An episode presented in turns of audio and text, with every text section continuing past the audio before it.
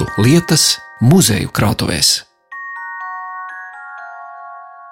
Te tiešām tās detaļas? Pirmkārt, tā galvenā trose, un apkārt tad ir tie misiņa, vairāki stāvi, un tam katram galā puķīte, un tai puķīte galā Jā, jo tos lapiņa. piekariņus nekad nepiestiprināja pa taisno pie metāla detaļas vai arī pie stikla detaļas. Viņas piestiprināja tādu nu, ziedu starpniecību. Vai tie bija tādi vai asmīna ziedi, vai, vai rozetes, vai margaritiņu tipa ziedi. Te tās bumbas, kurās gaisma atstarojas, ka tās arī visas ir Jā, šķautņainas. tā, jā tas viss. Mhm. Tā nav vienkārši gluda stikla bumba. Nē, jā, jā, tur ir. uh, tas tieši tas šķautņi. slīpējums, atkal to, to tieši tās refleksijas, tās iespējas dot. Stikla un kristāla piekariņi, ziedu, lāsteku, ozolapu formā, apzeltītas misiņa bumbas, izliekti stikla zāri, gliemežvāku formā veidoti šķīvīši sveču pilienu uztveršanai. Tā ir greznuma kvintesence, kas aplūkojama Rundāles pils apgaismojumā. Kā stāsta Rundāles pilsētas muzeja galvenā krājuma glabātāja un krājuma nodaļas vadītāja Kristīne Budže, tad hercogu bīronu laikos, 18. gadsimtā, lustras bija tikai dažās telpās. Tagad dažādu laikmetu un stilu apgaismas ķermeņus var aplūkot daudzās Rundāles pilsētas istabās, zālēs un kabinetos. Atzīmējot Rundāles pilsētas muzeja 50. pastāvēšanas gadu, ielūkosimies dažu gaismekļu vēsturē. Uzzināsim, kāpēc nelielas kurzemes baznīcas lustras ir pats vērtīgākais apgaismas ķermenis Rundāles pilī, kāpēc senajām lustrām piestāv sveču gaisma, iepazīsim rāgu svečtura izskatu un ielūkosimies krātuvē, kur glabājas lustru lausku gabaliņi. Rundāles muzeja apmeklētājiem ir iespēja aplūkot pilsētas pagrabā izvietoto priekšmetu ekspozīciju, kur redzami gaismas ķermeņu fragmenti, kas atrasti tepat pilsētas apkaimē. Savukārt krājumā Kristīne Budže rāda lustru fragmentus, kādu piekariņu, gabaliņu no lustras zara vai tikai tērauda stieni, uz kura vēra virsū pārējās apgaismas ķermeņa detaļas. Šīs atliekas nereti vien ir vienīgie puzles gabaliņi, kad restauratoram ir jāatjauno un jāsaliek kopā kāds sens gaismeklis.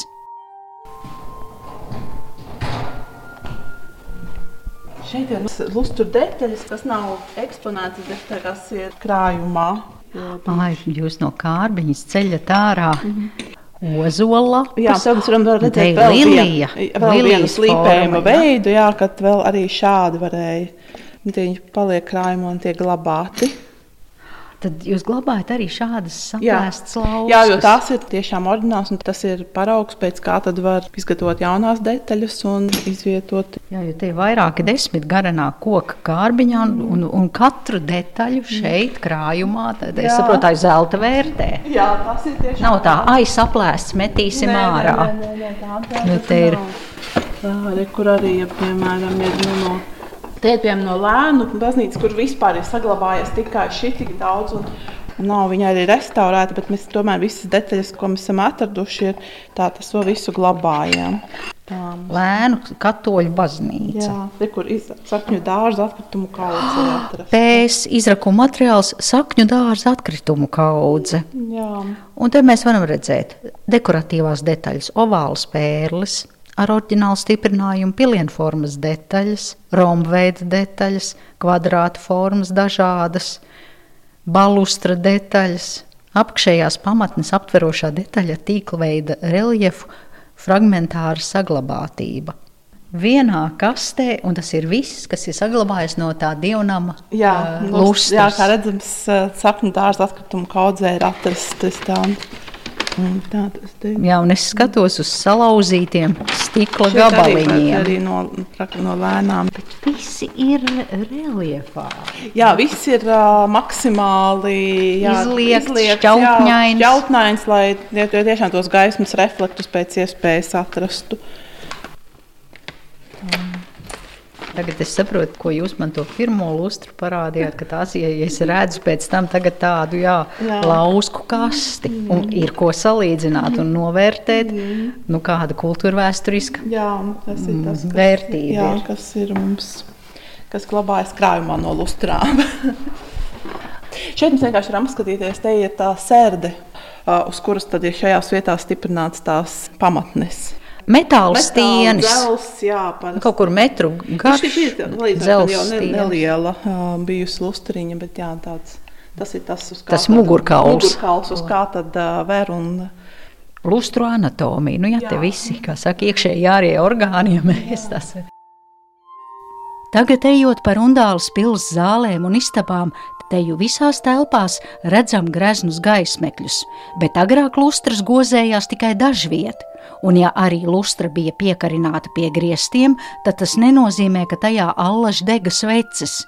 Bieži vien gaismas objekts kalpoja tikai kā grezns interjera elements. Runājot tieši par Rundāls pilsētas apgaismojumu, lai arī saglabājušās diezgan sīkas ziņas par Astrēlī projektu un uh, dažādiem Astrēlī darbiem un, un saraksti un tā, bet tieši par apgaismojumu gandrīz nekā nav. Ir divas zāles vai divas telpas, kurās ir saglabājušies lustru stiprinājumi oriģinālie. Un tā ir zelta zāle un viena no galerijām. Tātad mēs pieņemam, ka pārējās telpās tajā laikā lustru vispār nebija sākotnēji pilsēta lielā mērā ir daudz saistīta tieši ar Krievijas impēriju un ar tām tendencēm vai lietām, kas notika Krievijas impērijā. Un tur līdz pat 18. gadsimta otrajai pusē tādam apgaismojumam tika pievērsta diezgan maz uzmanības. Līdz ar to tādas greznas lustras, tieši stikla lustras, tika izmantotas ļoti maz.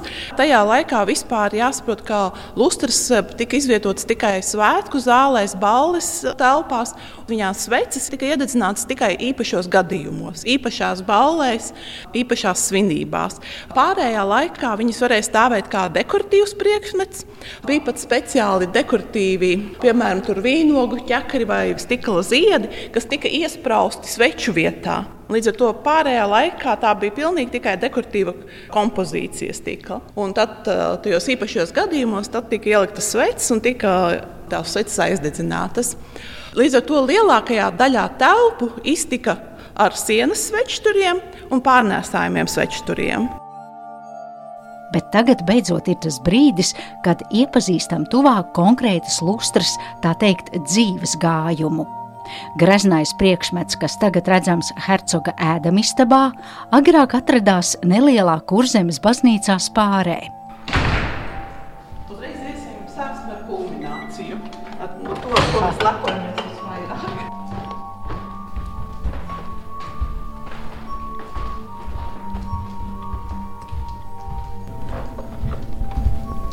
Šī ir Hercoga Ādama zāle. Un, ja runājam par lustrām, tad šeit ir izvietoti tie mūsu lielākie dārgumi vai mūsu vērtīgākās lustras, šīs trīs.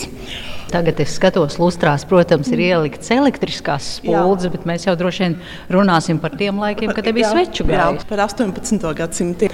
Kāpēc mēs saucam par tik vērtīgām? Viņas nāk no Spāras Lutāņu baznīcas un arī tika iegūtas ekspedīcijā, kad tika atklāts, nu, ka tā, tā baznīca vispār bija slēgta, var teikt, izdemolēta, bet tādā savādā kārtā, acīm redzot, neviens nebija paskatījies augšā uz griestiem, un lustras bija saglabājušās.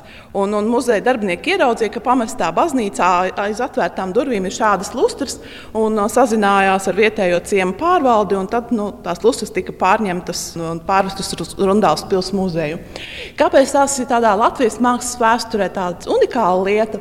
Pirmkārt, tā ir saglabājusies trīs lustru garnitūra, mēs varam nosaukt to tā, un otrkārt, šīm lustrām ir visvairāk oriģinālo detaļu, salīdzinoši ar citām lustrām, kas arī saglabājušās no baznīcām, kur nu, tās ir muzejs, viņas atrada bēniņos. Vai jau pilnīgi izmestas, un tās ir vairāk var runāt par lustru fragmentiem. Tad, šīs bija diezgan pilnīgā kompozīcijā saglabājušās. Šīs ir Bohēmijas stikla zaru lustras, un tās tika izgatavotas Bohēmijā.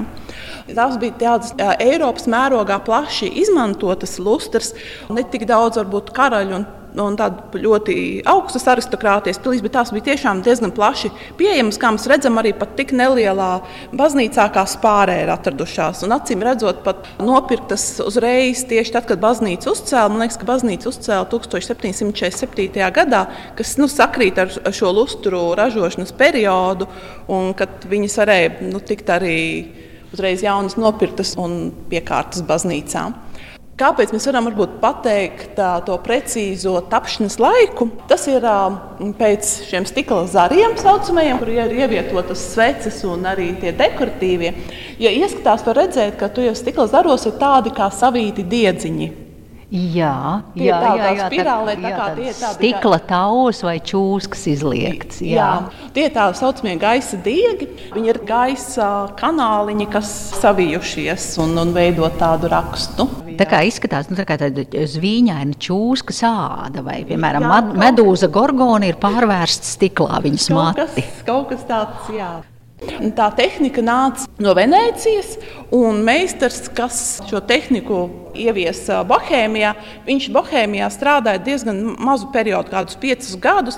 Un vēl pēc tam, vēl kādu laiku, šādas lustras tika izgatavotas, bet tas nebija liels periods. Un līdz ar to mēs varam diezgan precīzi pateikt, ka šīs lustras ir izgatavotas 18. gadsimta 40. gados, un tas sakrīt arī ar to iemeslu, kāpēc viņas varētu būt tajā laikā nopirktas un izvietotas Latvijā. Bet kā var zināt, ka tās ir tapušas Bohēmijā, ka kāds nu, netaisīja atdarinājumu šim meistaram? Bohēmija bija visizplatītākais reģions, kurā šādas lustras izgatavoja. Un, uh, viņas nebija tik vienkārši atdarināt tajā laikā. Pirmkārt, to noteica pats stikla sastāvs. Kāpēc, piemēram, atšķirās Venecijas lustras no Bohēmijas lustrām?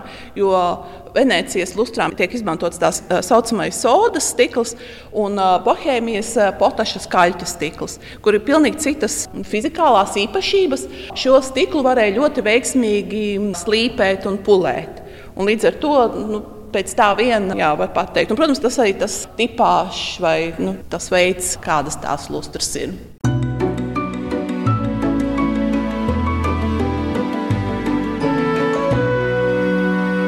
Vietu lietas. Tieši šīm lustrām ir tā īpatnība, ka viņas principā ir mazliet kā konstruktors, viņas ir diezgan viegli izjaukt. Un tāpēc viņas arī tika tik plaši eksportētas, jo viņas bija vienkārši transportējamas. Tos zārus visus var izņemt, var arī to konstrukciju, to sērdi, var tās visas detaļas atsevišķi salikt salmos, kastēs un transportēt. Un, ja arī kāds no zariem, piemēram, saplīst, tad to var diezgan vienkārši aizvietot, ielikt citu tādu pašu zaru. Tagad interesanti var aizbraukt uz Stālsu novada ģibuļu pagastu un aplūkot spārē ceļmalā esošo baznīcu, kur iekšpusē tagad redzama viena kopija no minētās lustru trijotnes. Gan baznīcā, gan Rundāles pilī tagad drošības apsvērumu dēļ visos gaismekļos ir saliktas elektriskās spuldzes, bet agrāk sveču gaismā skaisti atspīdēja reljefie ozolapu un vīnogu ķekaru piekari, stikla bumbas lustras apakšpusē un zvīļoja izliektie žuburi. Kas jāsaka, ka salīdzinoši, piemēram, ar mūsdienu interjeriem, kur tiek arī ieliktas it kā vēsturiskās lustras, ar ko parasti cilvēki grēko, viņi viņus pieliek pārāk augstu griestiem. Vēsturiski lustras bija gandrīz cilvēka acu augstumā, lai gaisma tajā tieši līmenī apspīd. Un arī vienkārši, lai būtu iespējams vispār tās sveces aizdedzināt. Kaut gan, protams, lai sveces aizdedzinātu, bija divi varianti. Vai nu kāpa ar kāpnēm augšā un tad aizdedzināja, vai to lustru nolaida zemāk, aizdedzināja un pacēla augstāk. Vai jums ir informācija, vai dievu namos un kungu namos tur lika arī no aitu taukiem darināts sveces, ko zemnieku mājās lēja, vai tur bija kāds smalkāks materiāls, mm. Skaidrs ir, bija, ka 18. gadsimtā sveces tiešām bija dārgs prieks. Un arī šajās lustrās reti, kad bija vairāk par astoņām svecēm vienā lustrā. Kaut gan, protams, karaļu inaugurācijas un tādās milzīgās svinībās nu, tiek rakstīts, ka tūkstošiem sveces tajā vakarā tika izdedzinātas, bet tas bija dārgs prieks.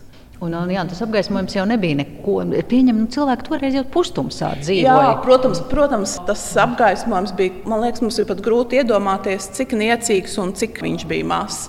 Arī ja mēs runājam par nu, šādām greznām lustrām un greznām vietām, kā nu, hercogu vai karaļu pilīm, salīdzinot ar mūsdienām, protams, tas apgaismojums bija pieticīgs. Un īpaši tāpēc, ka tajā laikā vispār šis apgaismojums bija ļoti, ļoti niecīgs. Tad šādas lustras un šādu lustru apgaismojums, kas atstāja izstarojās zāļu spoguļos, parketā, tajā pulējumā, tas raisīja tādu ārkārtēju brīnumu efektu.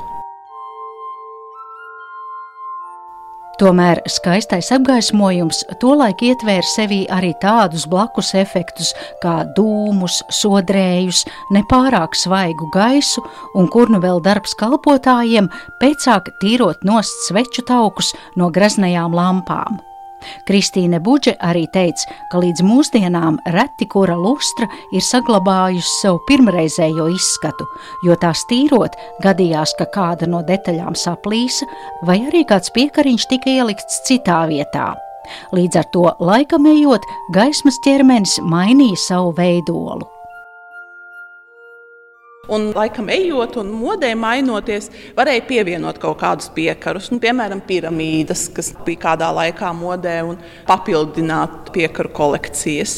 Jo ir pat saglabājušies arī Latvijas teritorijā iznākušos preses izdevumos sludinājumi, ka pārdot, piemēram, atsevišķus piekarus vai piemēram, pārdot 24 piramīdas. Tad var iegādāties, un, ja tā vēl lustrē nebija pievienota. Tad varētu teikt, ka laika gaitā varbūt tā lustra, tā centrālā daļa ir saglabājusies oriģināls, bet visas tās rezerves daļas jā, varētu būt pat simt gadu jaunākas. Jā, tas bieži vien tā ir, un tāpēc ir ļoti grūti arī pateikt lustru datējumu, jo šos piekarus mainīja, jā, un tad ir gan jaunāki, gan vecāki, un jau arī sākotnēji nu, ir divi varianti, kā tās lustras tapa, ka jā, viņi varēja varbūt šīs konkrēti bohēmijas varēja tapt arī vienā stikla darbnīcā no A līdz Z, Tie visi, gan piekari, gan konstrukcijas detaļas bija nu, no stikla izgatavotas vienā darbnīcā.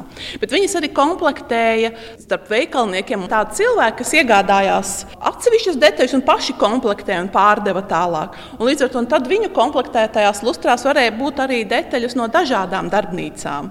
Un varēja būt arī jau tad sākotnēji jau dažādas kvalitātes detaļas.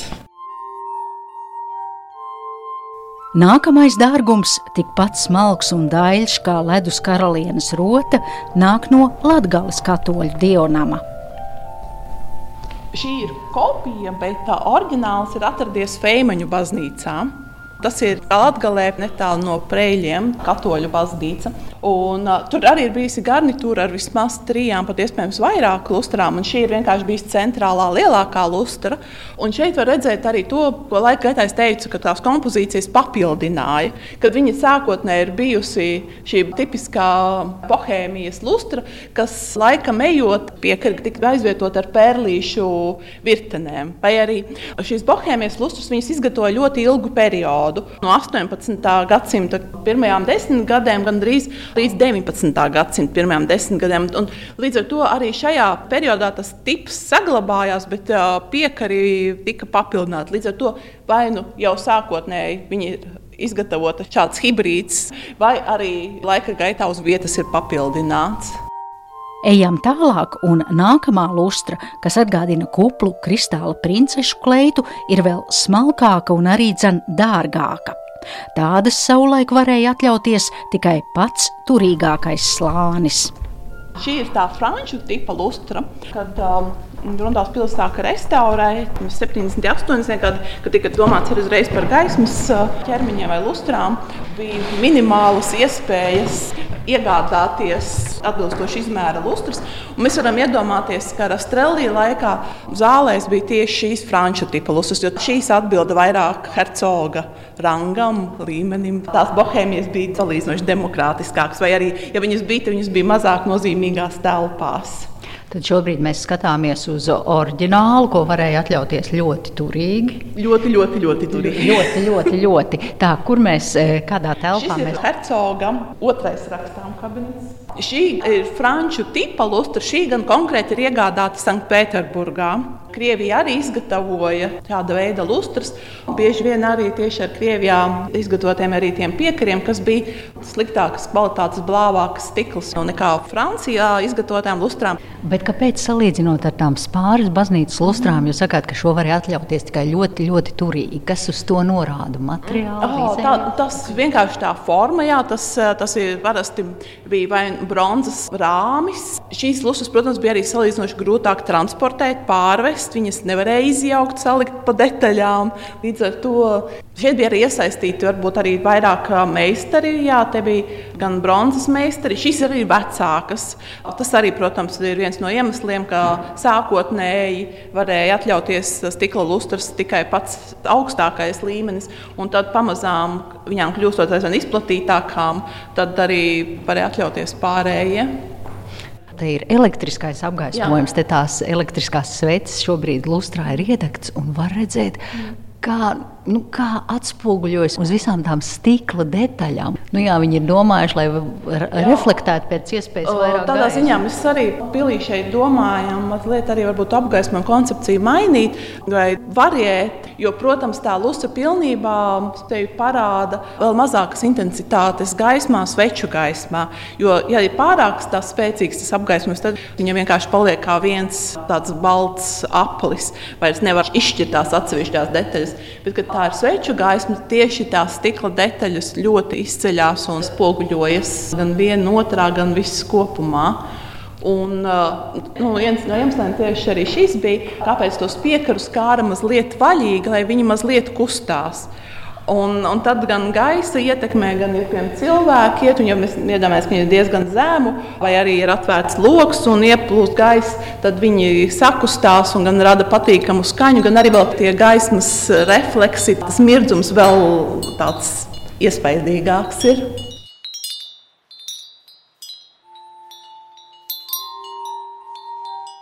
Un noslēgumā iepazīsim kādu senāku gaismas līdzekli - ragu lustru, kas ir gatavota 16. gadsimta beigās. Tā saucamās ragu kroņlukturi, kur ragos tika iestiprinātas sveces, un, un, un tās centrālā bija koka figūra, bieži vien arī ar tieši ar sievietes figūru.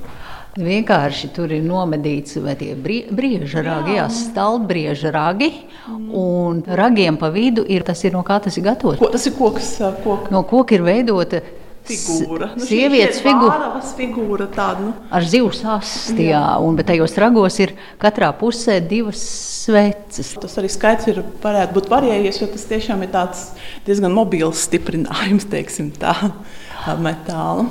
Kāpēc tas stils bija tāds, varbūt mūsdienu cilvēkiem liekas, ļoti ērmots? Šī ilustra ir 1596. gads, bet nu, nu, 16. gadsimta beigas. beigas jā, jā.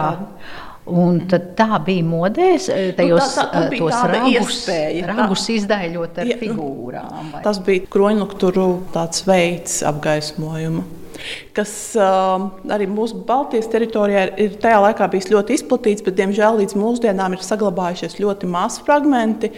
Kāpēc viņi varbūt ir saglabājušies? Arī viņi nu, līdz mūsdienām nebija Rāmsdas baznīcā kā lustri izmantot, vienkārši tie ragi bija noņemti un tika izmantot kā kristām trauks vispār. Latvijā ir tikai viens zināms vietējās izcelsmes unikums - Grāmatas baznīcas ragu svečstūris jeb lustra. Patiesībā gan tikai tās centrālā daļa, jo daļa lustras elementu, ragi, sveču kausiņi, pakāršanas sistēma nav saglabājusies. Zinot, ka 17. gadsimtā grieztu svečturi ar ragiem izgāja no modes, arī vārava no grāmatas zaudēja savu sākotnējo apgaismas ķermeņa nozīmi. Acīm redzot, ir bijuši mēģinājumi to pielāgot sekundārām funkcijām un dažādi iekļaut jaunajā baznīcas iekārtā. Tā Rundāles pilsētas muzeja interneta vietnē par koka vāravu raksta muzeja zinātniskās restaurācijas nodaļas vadītāja Aina Balode. Un ar to arī izskan šis raidījums par neparastiem, vērtīgiem un interesantiem gaismekļiem. Mūs apgaismoja Rundāles pilsētas muzeja galvenā krājuma glabātāja un krājuma nodaļas vadītāja Kristīne Budže.